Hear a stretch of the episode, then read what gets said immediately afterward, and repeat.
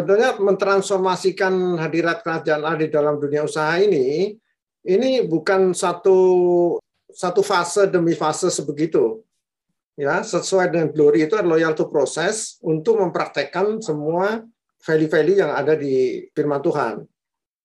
Jadi tolok ukur dibilang sukses berhasil mentransformasi itu seperti apa pun saya sampai sehari ini saya tidak punya satu patokan yang pokok gitu. Tapi herannya tercermin di dalam bisnis saya kok maju gitu. Kok kok menjadi tampak cantik gitu perusahaan saya. Tapi itu kapan?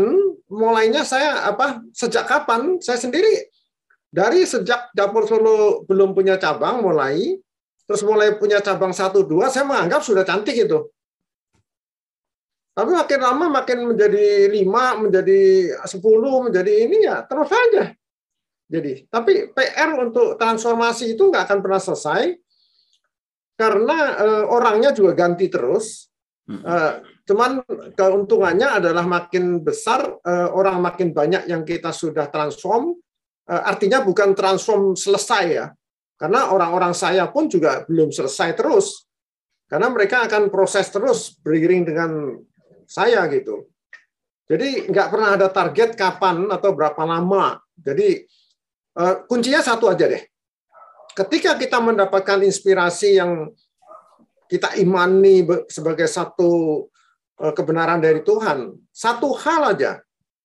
Saya sudah keluarkan satu statement untuk memulai. Saya ingat sekali pertama kali saya membuat statement adalah saya akan memimpin kalian dengan cara berbeda. Saya akan memimpin kalian dengan kasih. Wah itu jadi urusan udah sama istri saya. Gimana mempraktekkan kamu pemimpin manusia dengan kasih? Harusnya dengan tangan besi misalnya begini-gini. Karena karyawan ini nggak bisa digituin gitu. Nah itu aja sudah merupakan satu progres ketika saya berani mengeluarkan statement dan saya mulai berani melangkah step by step. Terus berhasil nggak Pak memimpin dengan kasih? Ya itu progres saya sampai hari ini yang akan terus berproses gitu.